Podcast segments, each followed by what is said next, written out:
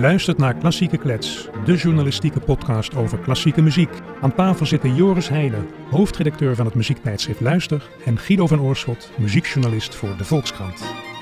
Wat we zoal gaan doen. Nou, duizend jaar klassieke muziek verkennen. Tips geven en enthousiasme delen.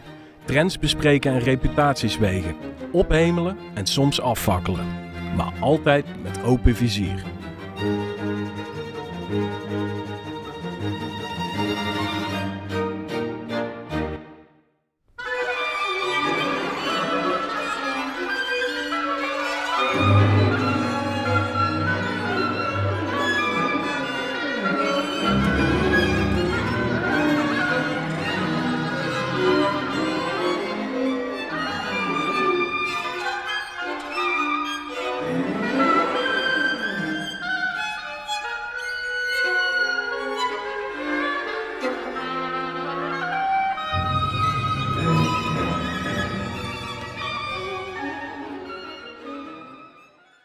Dacht, ik jaag Joris eens even de studio uit. Ja, ik was alweer halverwege de lift. Ik, eh, ik kan hier helemaal niks mee. Trek, trek jij deze muziek niet?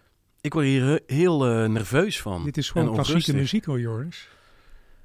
Ja, ja, dat klopt. Dat klopt. Maar wel modern klassieke muziek.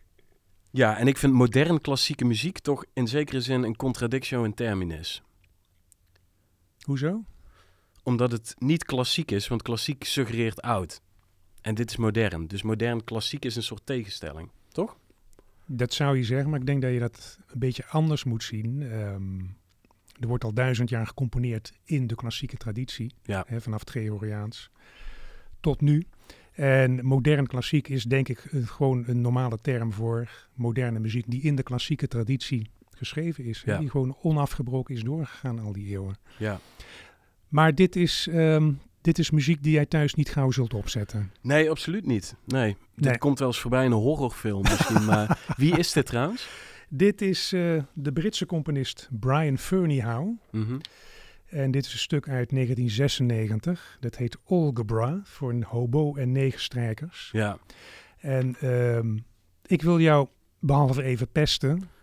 Oh, toch? eh, en misschien ook sommige luisteraars pesten. Want we gaan het vandaag hebben over moderne muziek, hedendaagse muziek, nieuwe muziek, actuele muziek. Uit Nederland. Uit Nederland. Ja. Nou, dit is dan eventjes een Brit. Mhm. Eh, maar dit vertegenwoordigt alle muziek die we verder in deze uitzending niet laten horen. Nee. dit, dit soort prikkeldraad en, en eh, struikgewas, dat gaan we niet doen. Nee. We stellen er een eer in om in deze aflevering eh, nieuwe Nederlandse muziek te laten horen. Ja. Die eh, een iets lager instapdrempeltje heeft Ja. dan eh, deze van Furnau. En dat doen we omdat eh, November Music gaat beginnen, nu bezig is of al achter de rug is, afhankelijk van wanneer je luistert. Ja. 3 tot en met 13 november in Den Bosch. En dat is een festival voor muziek van nu, door de makers van nu. ja, dat is eigenlijk de beste omschrijving. Nieuwe muziek door Ja. nieuwe muzikanten. En we gaan een aantal artiesten die daar eh, optreden gaan we bespreken. En die staan ook weer in Tivoli. Voor een deel. Ehm, Ja. Maar dat zullen we ook benoemen. Eh, maar we hebben inderdaad, wat jij al zegt, gekozen voor eh, lekker in het gehoor liggende muziek. Mag ik dat zeggen? Min of meer. ja. Ja. ja, in ieder geval niet de prikkeldraad die je net om mijn nek draaide. Nee hoor, dat was een geintje. Ja. Waar gaan we beginnen? Nou ja, nieuwe Nederlandse muziek. ehm, Nederlandse muziek. Alles wat je tegenwoordig hoort, dat begint toch ergens in de jaren 60, denk ik. De, de revolutionaire jaren 60, ehm, in maatschappelijk opzicht, in cultureel opzicht, maar ook in de muziek. Ja. Hè, toen kwam, kwam daar een groep eh, jonge muzici en componisten voorbij. Die vonden dat alles anders moest. Ja. En alles wat je vandaag hoort is daar op een of andere manier wel op terug te voeren. Is dat En- zo?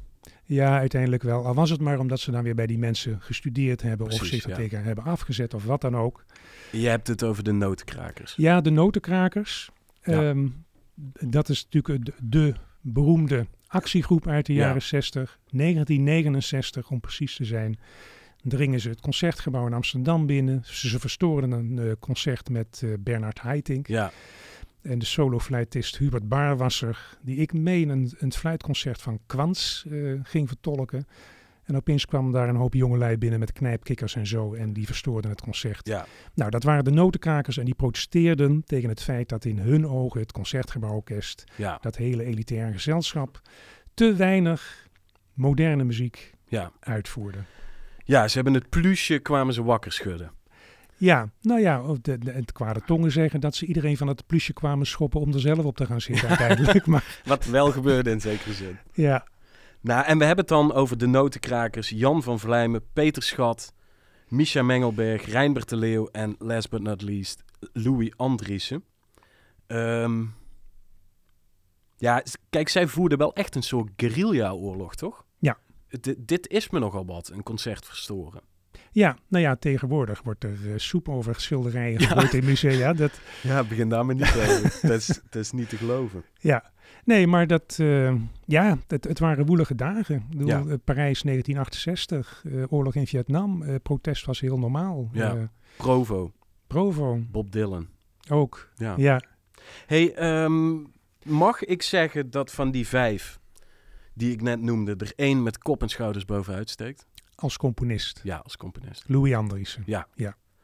Vind Ja. jij het terecht dat hij onlangs tot grootste Nederlandse componist sinds Zweelink uitgeroepen is? Ja, ik wist niet dat hij was uitgeroepen tot grootste sinds Zweling, maar daar zou ik het wel mee eens zijn, ja. En Diepenbrok?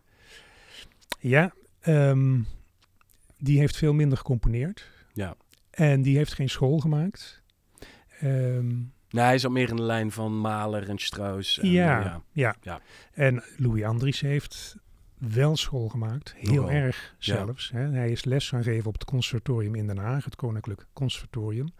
Er zijn ontzettend veel buitenlanders naartoe gegaan om bij Louis Andriessen te studeren. Andreessen. En die hebben al die kennis weer mee terug de wereld ingenomen. Een aantal zijn in Nederland blijven hangen trouwens. Maar ehm, nee, hij heeft school gemaakt. En dat was op een gegeven moment zelfs, heette dat ook, de Haagse school. Ja, Hè, in ja. de jaren 70, 80.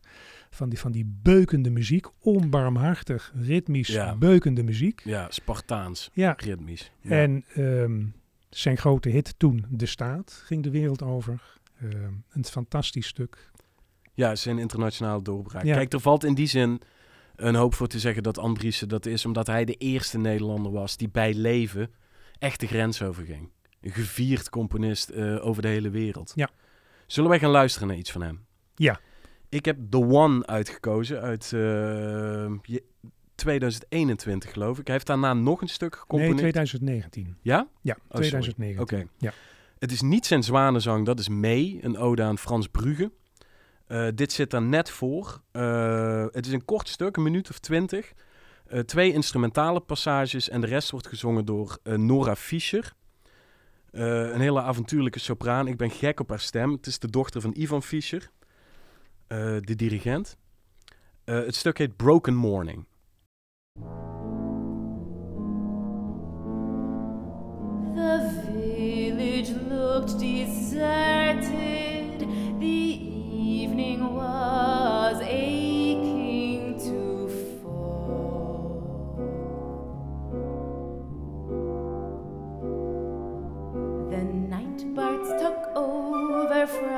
The day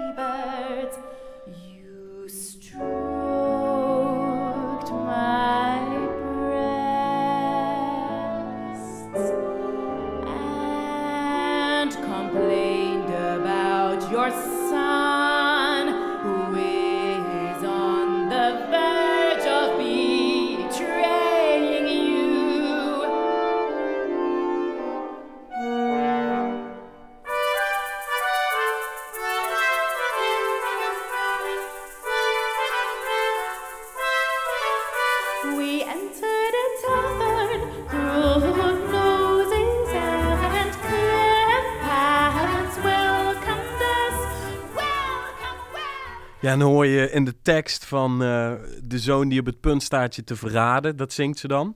En dan komen er in één, in één keer eh, samba-ballen en mariachi-muziek voorbij. Stijl, Ik- stijlcitaat. Ja, ik Ja. moest er heel erg om lachen. Ja.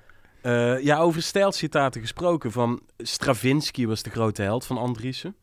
En ik las, en dat vond ik wel heel interessant, dat hij ehm, eigenlijk altijd aan andere muziek refereert in zijn eigen muziek. Dus dat het altijd een soort van ja, noem je dat dan, collage of pastiche of zo is? Ben je het daarmee eens? Dat doet hij vaak, maar niet altijd volgens mij. Nee, maar hij doet het wel in ieder stuk altijd. Ja, nou weet ik niet. Weet ik niet. Maar hier, hier overduidelijk wel. Ja, En dit wordt trouwens gespeeld door het eh, Los Angeles Philharmonic Ja. onder leiding van Esa-Pekka Salonen. Ja. Ook een eh, topcombinatie in de klassieke wereld. En ja, dit is late Andriessen. ja, En, het is eh, minder macho. minder macho, maar je hoort wel, hè, de elektrische gitaar zat er al heel vroeg in. Ja. De elektrisch versterkte stem heeft hij altijd meegewerkt. Ja, Eh, de jazz die ergens een knipoog geeft. Eh, de, blaasinstrumenten. Ja. Hij, had, hij heeft heel lang niet voor symfonieorkest geschreven. En liever ook niet voor strijkinstrumenten, maar blazers. Hij stond mede aan de, aan de wieg van De Volharding. Dat, ja eh, die band. dat beukende blaasensemble. Ja, ensemble. Eh, d- dus dat hoor je allemaal wel in terug. Maar tegelijkertijd hoor je ook een soort eh, melodiegevoeligheid... die hij eh, pas op zijn latere, op latere leeftijd heeft Ja. gekregen. Ja, maar dat is wel interessant dat je de volharding noemt. Hij had dat. Hij dacht, eh, volgens mij heeft hij ooit gezegd, ik heb dat ergens opgeschreven. Wil je de muziek veranderen, en dat is de belangrijkste taak van de componist, dan moet je ook het musiceren veranderen. Ja. En daarom heeft hij eh, Zijn eigen groep. eigen groepen opgericht. En dat hebben destijds heel veel componisten en muzici. De Leeuw ook. Ja, Dat het Asko- Schoenberg Ensemble, Ja, dat, het ja. ASCO, later Ja. ASCO Schoenberg. Ja. Je had het Ives Ensemble, het Nieuw Ensemble, wat al niet. Maar dit is wel afgekeken van mannen als Stockhausen, Reich. Die deden dat ook al. Het, het voor een deel overlapt dat elkaar in de Ja, tijd, denk ja, ik. Ja. ja. En eh, in Nederland gebeurde dat eh, heel vaak. En we hebben daar zelfs de, een woord voor de ensemblecultuur. eh, die eh, jarenlang, decennia lang heel beroemd is geweest in heel de wereld. Hè, dat Nederland zo'n heel divers landschap had van niet standaard klassieke muziekensembles. Dus geen ja, symfonieorkest hadden we ook en strijkkwartetten. Maar Schoenberg Ensemble had, Ja. geen, had geen vaste samenstelling. ASCO niet, Nieuw Ensemble niet. Deden allemaal nieuwe muziek. Ja, Eh, als een componist een ensemble niet kon vinden, stelde hij het zelf samen. ja, Eh, en ook aan de kant van de oude muziek.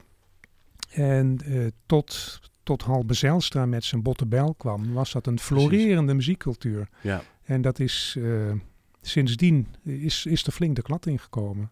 Doodzonde, want dat, als je het hebt over Nederlands erfgoed. nou, Eigenheid. Ja, ja, die ensemblecultuur, die, die weerspiegelde dat. ja. Ja.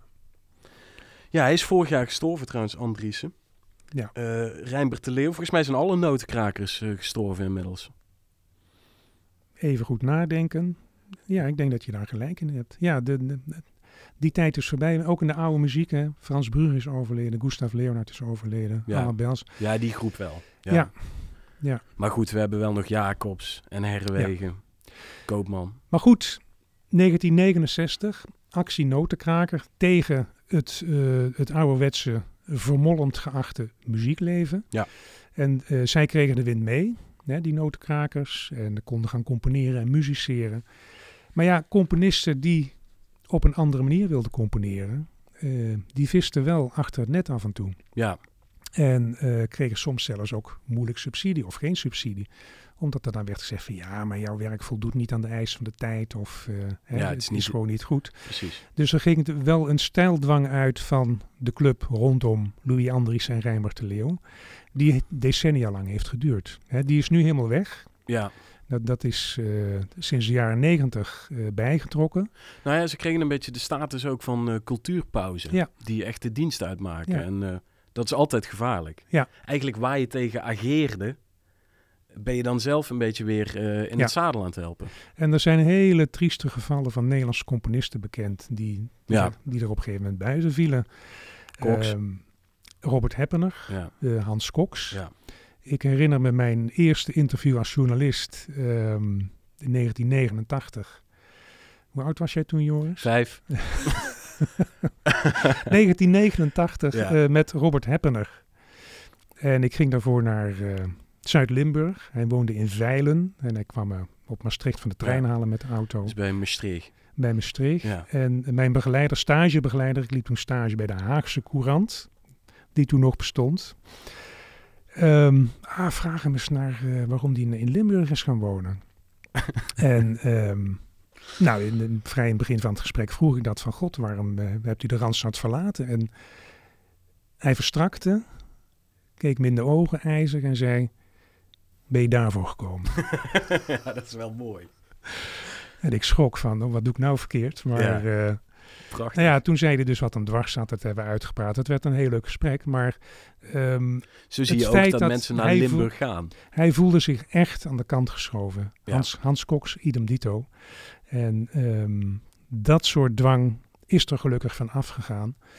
En ik denk dat componisten tegenwoordig ehm, alle kanten op kunnen componeren die ze willen. Dat zullen we straks ook al horen. En die druk ook niet meer voelen. Nee, nee. Nee. of zichzelf onder die druk hebben uitgewurmd, al Ja. vrij vroeg. Ja. Eh, zoals de componist die dadelijk aan bod komt, Joep Fransens. Maar werkt het ook niet altijd een beetje zo? Het is kennelijk een soort natuurwet. Ja, Ja. dat denk ik ook. Ja. Hey, over die Fransens gesproken, die heeft dus wel gestudeerd bij Andriessen. Ja, en bij Klaas de Vries, hè, dat is ook Ja. echt een, een baken van modernisme. Ja. En ehm, En die is toch, Fransens is toch wel echt hele andere dingen Ja. gaan doen. ja, hij is eh, uit 1955. Ja. Heeft inderdaad bij Andriessen en Klaas de Vries gestudeerd. En eh, heeft ergens onderweg een radicale zwenking gemaakt. Is zij ooit, eh, is zij begonnen in die stijl van eh Andriessen? Ja, Ja? ja, daar heeft hij mee gebroken. En ehm, ik stel voor dat we meteen maar even een stukje Joep Francis gaan luisteren. Want dan Ja. begrijp je meteen eh, verschil. wat, wat die breuk Ja, voor hem heeft betekend. mooi. En dat wordt een stuk uit Journey Under Brilliant Skies, deel 1 uit 2020. Ja. Gespeeld door Ralf van Raad. En eh, later gevalt ook Fion in het orkest onder leiding van Otto Tausk.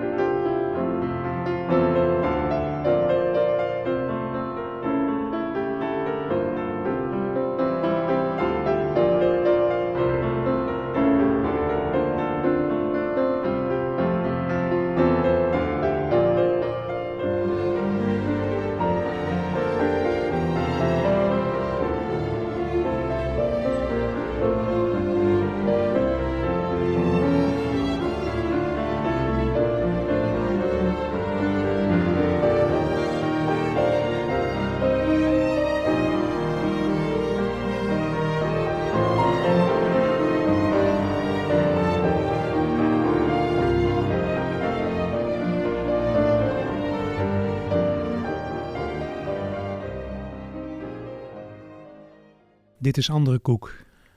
Ja, Hm. dit is heel lieflijk en Kijk, eh, eh, toegankelijk. Louis Andriessen, wat we lieten horen, dat is een begintijd, dat was Beuken. En Ja. dit was een, een, eh, mooi welluidend van Andriessen. Maar ja, dit is nog eens mooi in het kwadraat natuurlijk. Ja, jij zei toen het fragment liep, is dit ne neo, Neoclassiek. waar wij ook een podcast over Ja. opgenomen hebben. Ja, het zit er akelig dicht Ja, tegenaan. ik denk niet dat het neoclassiek is. Het, ik hoor iets te veel echt klassieke dingen. Het is wel poppy. Ja, ja en ehm, het- is een soort snoezelbad. Hè? Snoezelbad. nou ja, waar je in gaat liggen in een lauw bad en waar je helemaal ontspant. En Ja. eh, als je ervan houdt, hè, Ja. dan, dan is het een snoezelbad. Ja. Op mij heeft het eigenlijk een averechtse werking. Ik word er heel kriegel van, ja? Ja. Jij krijgt zin om met dingen te gaan gooien. Bijvoorbeeld. Ja. Nou, ik vond het mooi. Franse die eh, wordt geïnterviewd in het laatste nummer van Luister. En daar zegt hij in: Voor mij moet de muzikale taal uiteindelijk dienstbaar zijn aan de expressie. Het is geen l'art pour l'art, geen effectbejag om het effectbejag. Evenmin is er ruimte voor heldenverering. Vergelijk het met de popmuziek, waarin een grote mate van authenticiteit wordt nagestreefd. Muziek als beleidenis, dat wil ik horen. En ik snap wat hij bedoelt, want normaal in een pianoconcert, en hij heeft zich gespiegeld aan, eh, aan Bach. Normaal in een pianoconcert is de piano echt de grote solist op de voorgrond. En hierin, als dat orkest erbij komt, het versmelt helemaal.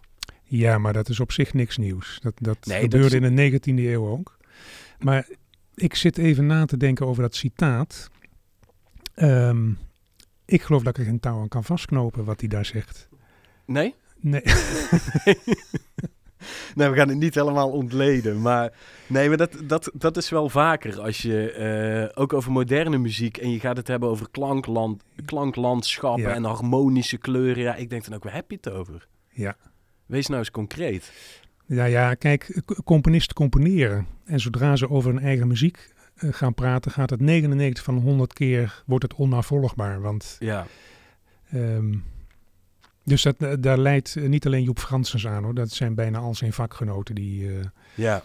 Volgens zijn website is hij de Nederlandse representant van de zogeheten nieuwe spiritualiteit. ja. Ja, daar krijg ik dan altijd een beetje kriebels van. ja, en de, de nieuwe spiritualiteit in groter verband. Dan, dan denk ik aan componisten als Arvo Pärt, Ja. eh, Henrik Goretzky, Ja, John Tavener, de, de Engels componist. niet, precies. niet de oude renaissance componist, maar de hedendaagse componist. Ja, ehm, dan vind ik het Perg toch veel interessanter klinken dan Joep Franssens. ja maar dat is ook wel van een andere orde. Hm. Vind ik. En ik heb ehm, mijn eerstvolgende interview met Ralf van Raad, ik weet niet wanneer dat ooit gaat gebeuren, maar ehm, dan ga ik hem misschien toch eens vragen wat hij met de muziek van Joep Franssens heeft. Ralf van Raad is natuurlijk een kampioen van de hedendaagse muziek, die Ja. met heel veel moderne componisten heeft gewerkt. Ehm, dus misschien kan hij mij uitleggen wat ik, wat ik nu mis. Ja, misschien kun jij het, ehm, Ik kan jou uitleggen wat, eh, wat jij mist. wat ik hier aan, aan deze muziek mis. Ja, het is heel makkelijk in het gehoor liggend, toegankelijk, filmisch. ehm, ja, je kan er niet kwaad op worden, toch? Jij, jij wordt er een beetje kriegel van, Ja. zeg je. Ja. Ik, ja, het is ook niet dat ik dit thuis eh keihard draai en door de kamer ga walsen. Het, eh, Maar goed, in het kader van onze aflevering, ehm, de, de hedendaagse Nederlandse muziek, hè, dit stuk is uit 2020, ja, hartstikke jong, is dus ook gewoon hedendaagse muziek. en heel tonaal. Ja. En heel toegankelijk. En Ja. zonder ook maar iets van een randje. Dus als wij hier één luisteraar een plezier mee hebben gedaan, dan is deze missie alweer geslaagd. Laten we doorgaan, want dit is voor meneer Fransens anders niet heel leuk. Ehm, we hadden het daar straks over ehm Zwelink Ja. en Andriessen. En ik heb ooit gespeculeerd, of misschien heeft iemand anders dat wel gedaan, maar heb ik dat overgenomen. Ehm, de volgende componist in dat rijtje zou dat Michel van der A kunnen zijn. Nou, dit gaat ver. Ja? Ja. Het is hypothetisch, hè? Maar eh, Ik vind het eh, echt eh, veel te eh, voorbarig nog. ja, Hij is ook nog heel jong, hè? nou ja, hij, Hij is is ook in al... 1970. Dan ben je, even kijken, dan ben je 14 jaar ouder dan ik. Dan ben je 52. Ja, dat is nog redelijk jong. Nou, kom op joh. ja, toch? Ja. Nee, ja, dan kun je nee, nog heel veel ik mooie ben het dingen met je eens. Aan Michel van der Aak leeft een eeuwige jeugd. Dat, eh, Hij ziet er nog heel jeugdig uit ja, in ieder dat geval. bedoel ja. ik. Ja. Maar waarom, En- waarom zeg je dit? Eh, nou, eh, hij heeft natuurlijk wel, hij is wel bezig om in zijn eentje heel zijn idee van Ja. multimedia, klassieke muziek, popmuziek. hij denkt niet, niet, niet in hokjes. Film, video, Toneel. ehm, eh, muziektheater. Ja. Hij maakt daar een, een ja, één mengeling van. eh, waar hij toch tamelijk veel succes mee heeft. ja, wereldwijd. En Ja. eh, weet je, wat ik net zei is ook niet om de hele zaak te bagatelliseren. Ik denk alleen dat hij nog niet op het punt is dat je dat kan zeggen. Hm. Ehm, in Nou ja, principe dus- maakt hij moderne gezamtkunstwerken, toch? Dat zo zou je het kunnen zeggen. Alle disciplines Ja. zitten, het is heel Ja. crossmediaal. En ehm, nou ja, ik, ik noem hem ook omdat hij in de programmering van November Music zit, waar een nieuw stuk van hem gaat, The Book of Water. Ja, En dat is in de Biennale in Venetië in september in wereldpremière gegaan. Ik heb daar goede berichten over gelezen. Ik, heb, ik ken het stuk niet, ik heb het nog niet gehoord. En eh, ja, wij zitten hier in de podcaststudio van eh, eh, Tivoli Vredenburg. Hier gaat het ook op 16 november. Dus Ja. eh, als je nieuwsgierig bent ja ik ga wel kijken. Ja. Ja. Ja. En ehm, ja, die reis is eh, bij Michel van der A al heel vroeg begonnen. Hij kreeg ook les van Andriessen. Hij heeft ook les gekregen van Andriessen. Ja. Hij heeft ook eh, geluidsregistratie gedaan op het conservatorium in Den Ja. Haag, maar ook compositie. Hij is naar New York gegaan voor een eenjarige film, filmopleiding, als ik het wel heb. En komt hij niet uit, niet uit Eindhoven, toch? Nee, hij Os. komt, Uit nee, Os, Ja, ik. is die geboren, volgens mij is opgegroeid ergens in Noord-Holland. Oké. Maar geboren in Brabant wel, toch? Zou kunnen. Ja. Moeten we nakijken. Ja. En ehm, ja, iemand die volstrekt zijn eigen weg gaat. En Ik zeg het namelijk omdat ik hem typisch zo'n artiest vind of kunstenaar die helemaal bij Eindhoven past. ja, daar zou hij het zelf in, in zeker opzicht wel mee eens zijn. Dat misschien. denk ik ook wel, ja. Ja. Als je het hebt over techniek, videotechniek, Design, design, samenkomen van alle Ehm, disciplines. hoe heet dat? Robottechniek, robotica. Ja. Ehm, ja, dat doet hij allemaal. En hij Ja. kan het ook allemaal zelf, hè? Nou ja, en, en, wat, ja, en wat, wat ik heel knap vind is aan de ene kant werkt hij met, met echt gerenommeerde klassieke muzici als eh, Patricia Kopachinskaya, Janine Jansen, Hennigan, Barbara Hennigan. Maar aan de andere kant ook met een fado-zangeres en dan weer met een popzangeres. En het, het- alles staat in dienst van zijn idee en zijn Ja. eh, grote plaatje. Ja. Waarin hij echt alles verbindt wat je ongeveer kan bedenken. Ja. Dus ook scenario schrijven, toneel. Het, dat, dat is heel fascinerend. En, en daarmee eh, over, ontstijgt het ook klassieke muziek. Nou ja, en daarom de, de, de, het, het toch nog maar een keer opwerpen. Is hij dan de volgende het rijtje Zwelink Andriessen? Ja, dat zal de tijd leren. Ja. Het is wel heel fascinerend. En ehm, ja, ik heb een stuk meegenomen uit ehm, een 3D-filmopera, Sunken Garden. Ging in eh, première in 2013 in Londen en kwam meteen daarna ook naar het Holland Festival. Daarvan is libretto toevallig geschreven door David Mitchell, die je Ja. kunt kennen van Cloud Atlas. Heb je dat gezien? Ja, het is een boek origineel, maar het is Ja. verfilmd. Heb je die film Die gezien? film heb ik niet gezien. Niet doen. Oké. Maar het boek wel lezen. Ik heb het boek niet gelezen, Nee. maar die film, ik kon er geen touw aan vast. Maar goed, het was dus een hele gerenommeerde schrijver Ja, die voor absoluut. Michel van der A dat libretto schreef. En ik heb van der A destijds eh, voor de première in Londen geïnterviewd. En eh, Lijkt me een aardige vent. enorm, Ja. enorm aardig, ja. En ik zat een beetje te vissen naar mythologische verwijzingen. En, en toen zei Michel van, ah ja, nee, ik kom, ik kom uit de pop, dus ik ga David nog vragen om, om al die verwijzingen, dat hoeft voor mij allemaal niet. Te halen. Ja, nou ja, Sunken Garden, hij heeft er veel succes mee gehad en nog steeds. En het, het verhaal is heel lastig na te vertellen. Het heeft te maken met eh, geestelijke trauma's die Ja. een mens kunnen isoleren. En het grappige is, of grappige, het navrante misschien, is dat Michel van der A als jongetje heel veel last van nachtmerries had. ja. En dat toen een arts tegen hem heeft gezegd van nou, de, ga eens gitaar spelen of zo. En Ja. nou ja, van daaruit is hij steeds verder in de muziek gerold. Ehm, Ik vind een prachtige titel trouwens. Sunken Garden. Ja. Ja. Ja. Appelleert aan veel. Verzonken tuin. Ja. eh, de, psychoanalyse, Ja. Freud. Het zit er allemaal in. ja. Mythologie. En wat er ook in zit Ja. is een, ehm een aria-achtig stuk. Een popsong-achtig stuk. Hè. De, heel grote delen van de opera zijn een soort zingzang. Het is gezongen, maar ook gesproken. Of het zit, Ja. een beetje, zit er een beetje tussenin. Ehm, dit is een aria eigenlijk, I Have These Dreams. En dat wordt gezongen door Kate Miller-Heidke. Een Australische popzangeres eigenlijk. Ja, met een klassieke achtergrond. Met een klassieke achtergrond. Heeft ze ook niet ooit aan een songfestival ja, meegedaan? nou dan weet je dat je geramd zit. ja. Dan, dat is altijd, zit je goed. En eh, dit is toch wel eh, een soort vintage van de A uit die tijd. Ja. Het stuk dat we nu laten horen.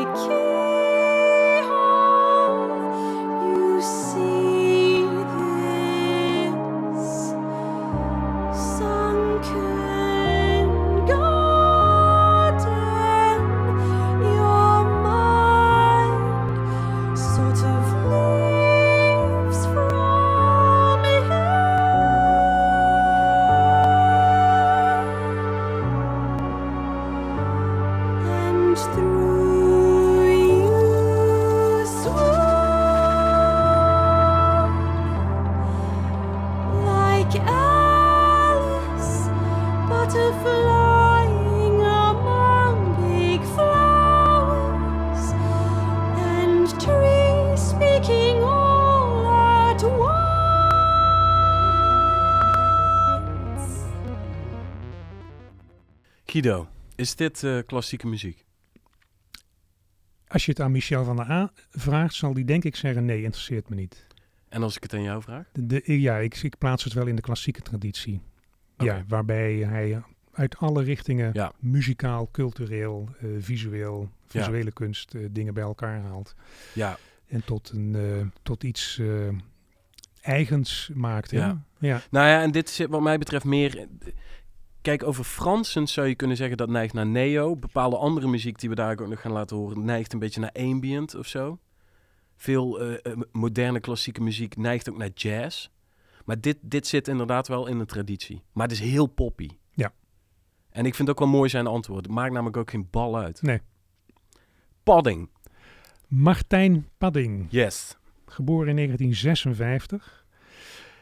Leerling van, daar is hij weer, Louis Andriessen. Ook al, ja. Ja, en ehm, via hem wilde ik laten horen dat je van dat onbarmhartige beuken van de Haagse school, waar hij ook in heeft gewerkt, het, het uitdelen van muzikale klappen en, en een soort ritmisch graniet. Wauw. het eh, neemt het. En Padding heeft zich ont- ontwikkeld richting humor. Hij is misschien de meest humoristische hedendaagse Ja.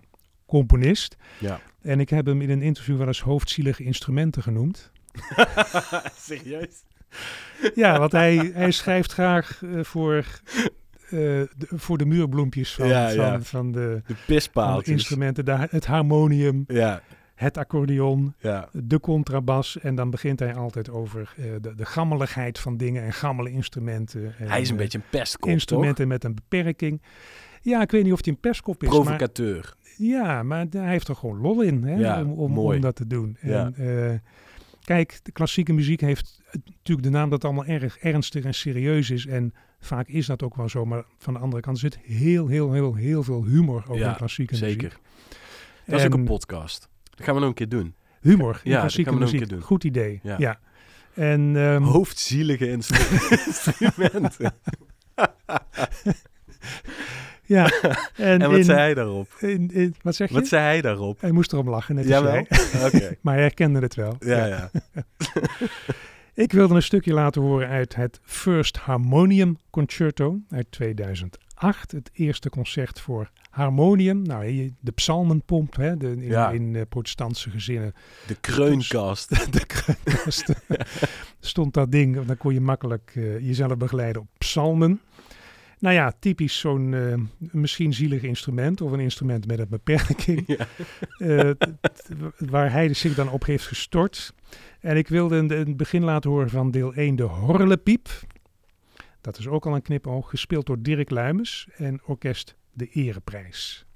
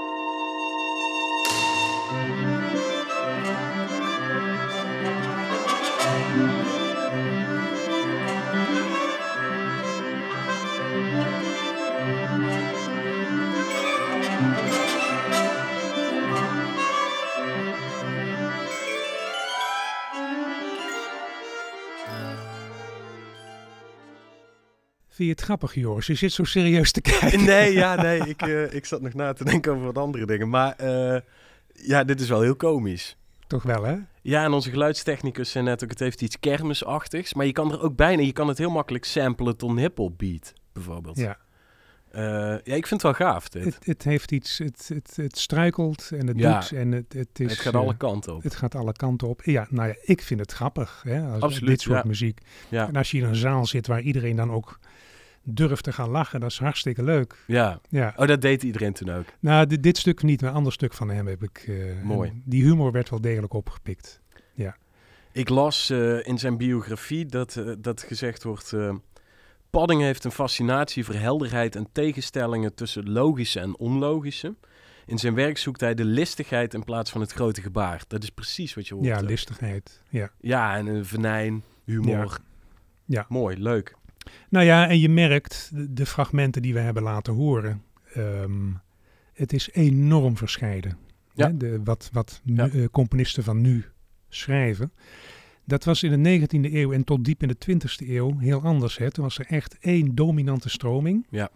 eh, waarbinnen je werkt of waar, waartegen je je afzette. Maar dat, dat was een duidelijke hoofdstroming. En ik geloof dat ik John Cage op film wel eens heb horen zeggen van ja, eerst was er die stroming. En John Cage is een belangrijke naoorlogse avant-garde componist uit Amerika, moet Ja. ik even bij zeggen. Ja. Tevens paddenstoelenkenner en goeroe. En die zei, vroeger had je die hoofdstroom. En ik heb meegemaakt dat het een delta werd. Hij zei, maar nou, we zitten helemaal in de oceaan. We zijn heel... Mooi. Als componist, je kunt je vastklampen aan wrakhout of niet. Je, je moet... Je moet maar we dobberen met z'n allen in de oceaan en iedereen is aan zichzelf overgeleverd. En dat hoor je denk ik ook in de fragmenten die we hebben laten horen. Ja. Ehm, ja, het is heel veelzijdig. en dat maakt het voor componisten ook niet per se makkelijker, hè? Nee. Dat, dat alles kan. Nee. Maar het, eh, het, het is ook iets dat bij deze tijd hoort. Ja. Want je ziet het in alle disciplines. Je hebt totale vrijheid en totale mogelijkheden ook. En eh, En dat, dat, maakt maakt, het inderdaad niet makkelijker. en het maakt het ook voor recensenten, sprak hij, niet makkelijker op. Nee. Eh, een recensent in de 19e eeuw, die zat zelf ook in die hoofdstroom. Ja, Op allerlei manieren. Er was namelijk geen andere stroom. ja, En ehm, ik ga natuurlijk geregeld naar premières van nieuwe muziek. En elke keer moet je je weer op iets anders instellen. Elke keer moet je je weer voorbereiden, partituur erbij. eh, ander werk van de componist. Ehm, ja, en dan eh, op basis van één keer horen je mening vormen van muziek die volstrekt af kan wijken van alles Ja. wat je ooit gehoord hebt. ja, en totaal eigen Ja. is. Ja. Ja. het is wel ook de uitdaging. Tuurlijk is dat ook de uitdaging. Ja. Ja. Hey, ze zeggen wel eens dames eerst, maar daar zijn wij niet eh, in geslaagd. Maar we gaan wel naar Celia Zwart. Ja, dat is een, eh, vind ik, een, eh, verrassende componist. Uit 1994, dus dan ben je 28. Ja. 28 is, is eh jazzsaxofonist, Ja. klassiek componist, fotograaf, filmmaker, graficus, student van onder andere Martijn Padding. Ja. Dus in zekere zin staat zij ook in de Haagse school. Het is best een incestueus wereldje, hè, dat Nederlandse muziekleven. Eh, Iedereen kent iedereen, Als je ik het netjes les. zegt, kun je zeggen van, eh, dat de, de, een bepaalde traditie doorheen... Ja, dat is iets netter. Ja, Iets beter ook Ja. wel. Ja. over het incestueuze gehalte durf ik mij niet uit te Nee, nee, weet ik verder neem alles terug wat ik heb gezegd. En ehm Celia Zwart staat op een cd-box van het Concertgebouworkest... die ehm, dit voorjaar, als ik het goed heb, is uitgebracht. Ja. Met nieuwe muziek die zij in coronatijd hebben opgenomen. En Ja. een stuk of dertien componisten. En wat mij betreft stak haar stuk Reflections er met kop en schouders... nou, in ieder geval met de kop bovenuit. Ja. Een stuk voor het, con- het eh, Concertgebouworkest met harpist Remy van Kesteren. En dat werd uitgevoerd onder leiding van Anthony Hermes, Nederlandse dirigent. Ehm, Harp en orgel, toch? wat zeg je? Harp en orgel. Ook nog. Daar is het voor, toch? Volgens mij is dat... eh, Oh, dat kan. ja, ja. Zullen we gaan Ik- luisteren? Ik moet, ik moet even nadenken, want je brengt me van mijn apropos. Remy is natuurlijk een harpist. Remy is een harpist. Misschien dat ze het orgel ook gebruikt. Ja. Ehm, laten we eerst even luisteren. Ja.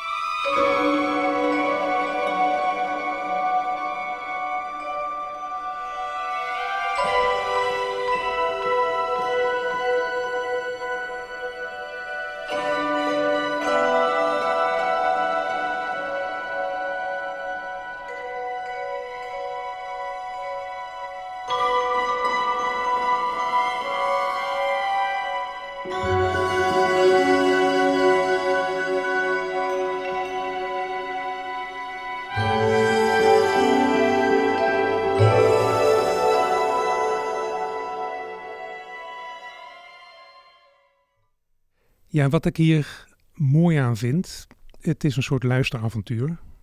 Het begint en je weet niet wat er volgt, maar het blijft wel in een soort stijl zitten. Maar wanneer die het volgende akkoord komt, is altijd een verrassing.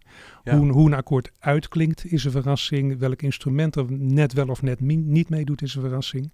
En Remy van Kester heb je hier amper nog gehoord, maar Ja. het stuk bouwt in de loop van acht minuten heel mooi op naar een soort climax, waar hij eh, Ja. ook volop aan meedoet. Ja, ik, het, het is spannend en tegelijk rustgevend. Ja.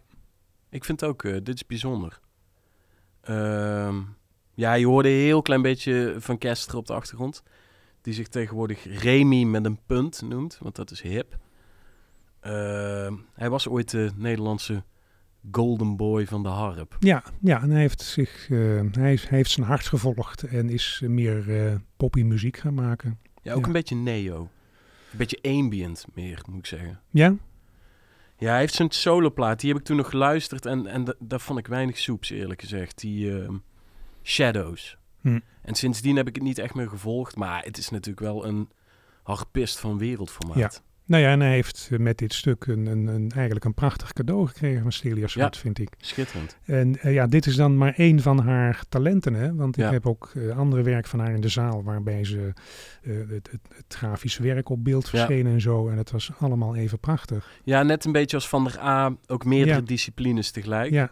En ja, geen grenzen meer, hè? Dan, daar kwam Ja. het eigenlijk op neer. Ehm, iedereen dobbert in de oceaan en sommige, dingen, sommige mensen doen dan hele mooie dingen. Ja, want toen wij eh, deze podcast een klein beetje voorbereiden, want dat doen we altijd. Het is natuurlijk niet allemaal spontaan. eh, hadden we, had ik de vraag aan jou: waarom zwart boven Mathilde Wantenaar of Sarah Neutkens? Om er maar eens twee te noemen, twee dames. Omdat ik eh, door dit stuk getroffen werd. Ja. Heel simpel. Ja. Ja, ik moet zeggen dat ik ook wel onder de indruk ben van Mathilde Bantenaar. Ja. Dat, Maar ja, je moet kiezen. We hebben niet alle tijd. Onze eh, Celia Zwart, heb je er al verteld dat ze les heeft gehad van Padding? Ja. Oké. Ja. Zo heeft Remy van Kesteren les gehad van Willem Jets, die we nu als laatste gaan bespreken. Ze geven hem even flink van Jets. Ja, want met Jets gaan wij terug naar de melodie eigenlijk. Hè? Eh, van gewoon het vocale, het mooie. Ja, zo is Eh, hij niet begonnen overigens. Nee. Uit 1959 trouwens, Willem Jets. Eh, zullen we gewoon meteen gaan luisteren? Ja. Het is het, eh, zijn requiem. Het is voor sopraan, bariton, gemixt koor en symfonieorkest. En we luisteren naar het In Paradisum.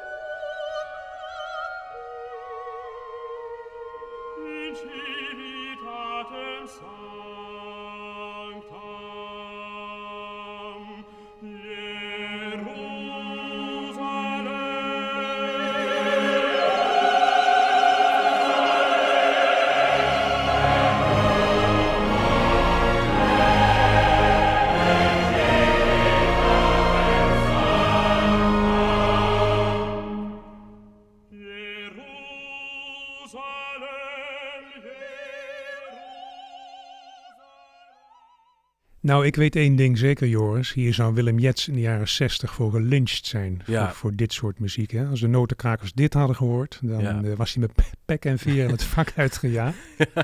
Zo melodieus, zo traditioneel. Ja. Maar toch ook weer op een bepaalde manier sommige harmonieën, sommige wendingen. Ja, het is wel muziek van nu. Het is, schuurt wel. Ja, het is een jaar of vijf oud, dit stuk. Ja. Hier trouwens uitgevoerd door eh, het Groot Omroepkoor Radio Philharmonisch Orkest onder leiding van James Gaffigan. Met eh, de solisten sopraan Kelly God. Goeie naam. Fantastische naam in dit repertoire. En Andreas Wolf, de bas bariton. Ja. En ehm, ja, kijk, over nieuwe muziek. De, de- vroeger was dan de uitdrukking, ja, dat is tuut, tuut piep knor muziek. Ja. Tuut piep knor. Hè? Dat was dat stuk van Fernie waarmee we pesterig begonnen. Ja. Kon je daar onderscharen misschien. Ehm, ja, dit is aan alle kanten mooi. Hè, dit is muziek van nu, die niemand inderdaad tegen de haren in zal strijken. Oh, je hebt het nog specifiek over Jet? Ja, Ja. ja, Ja, hij zegt daar zelf ook over. Het is mijn meest melodieuze werk tot nu toe. Ja. Eh, nou ja, het schuurt wel een beetje. Ja. Kijk, als jij echt eh, requiems uit de renaissance en barok gewend bent, dan is dit wel andere koek. Je moet je daar wel een beetje... Het, het is wel muziek van nu. Ja, maar het, het hangt heel erg op de 19e eeuwse traditie. En eh, als dat orgel, dan hoor je ver Ja. weg iets van de, de orgelsymfonie eh, van ehm Saint-Saëns. Oké. Ja. Jij zegt het. Ja, nee, het, het zit inderdaad wel, het, het zit wel heel erg in een requiem-traditie. Maar je hoort wel dat dit, ik had jou niet wijs kunnen maken dat dit 300 jaar oud was. Nee, nee, nee, absoluut niet. Nee, precies. En, nee. en dat maakt het wel weer heel interessant. Ja. Eh Jets heeft overigens ook eh, veel complexere dingen gemaakt. Ja. Die, die voor mij veel complexer zijn, laat ik het zo Ja. zeggen. Nou ja, en nu je dit zegt, eh, ik vermoed dat hij dit stuk heeft geschreven ook voor een heel groot deel vanuit zijn eigen ontroering of zijn eigen gevoel bij de dood, bij Ja. leven en dood. Ja, En alleen al het feit dat je dat toelaat als componist, dat is ook jarenlang, nee, nee, ja, kom op zeg, hè, Ja. Stravinsky, muziek heeft niks met gevoel te maken. nee. Muziek is gewoon eh, gestructureerde tijd en, en klank. En Ja. eh, laat erop met je gevoel. En dat was in die tijd ook weer wel begrijpelijk vanwege die overgevoelige 19e eeuw. Ja, Maar Dat was ook weer een tegenbeweging. Maar ja, die extreme romantiek Ja. bedoel je. Die, eh, Ja. ja. ja, zo zit alles toch eh, redelijk logisch in elkaar. ja. In ieder geval in deze aflevering. Ja, ja nou, ik, ben, ik snap het. Ja. Dus dat is fijn. Nou ja, we hebben ons best gedaan om eh, van verschillende stijlen wat te laten horen. En dat het echt niet allemaal eh, heel moeilijk en, en eh, Nee. onmogelijk is om naar te luisteren. Nee, en wat je, wat je heel erg merkt, vind ik, bij componisten van nu, is schoenmaker blijft bij je leest, is het totaal niet. Het is echt, stilstand is achteruitgang. Ontdekken, mixen, mengen, risico's nemen. Constant op zoek naar een nieuwe eigen Daar identiteit. ben je kunstenaar voor. Ja, Ja. dat vind ik ook. Maar Ja. dat is lang niet altijd zo geweest. Nee. Ehm, nou, ik denk het wel, maar het veel, veel, Meer rigide. veel meer in een corset, ja. ja, Ja. zeker. En, en met eh, eh, ver- verboden gebieden. En hè, Ja. dat is niet meer. Kijk, en, en ik vind crossover is een beetje een, een eh, besmet woord. En een, en een vervelend woord ook. En een modewoord. Veel crossover werkt ook niet. Maar als het werkt, kan het heel erg mooi zijn. Ja. Ehm, ja, dat was eigenlijk een beetje mijn eh, conclusie. Nou, Jij wil hem nog van- wel laten horen, Wij toch? gingen van Toet Piep Knor naar eh, de, nieuwe, eh, de, nieuwe melodie, zal ik Mhm. maar even zeggen. Nou ja, misschien dat wij eruit gaan met Corrie van Binsbergen. Jazz-gitarist, maar die ook op November Music Ja. staat, waar uiteindelijk heel deze aflevering eh, aan opgehangen is. Waar ze nieuw werk op tekst van de Zuid-Afrikaanse dichter Antje Krog zal doen. Ik heb even zitten gaven en eh, we gaan eruit met Corrie van Binsbergen in Self Portrait in Pale Blue. Mooi. Tot de volgende keer.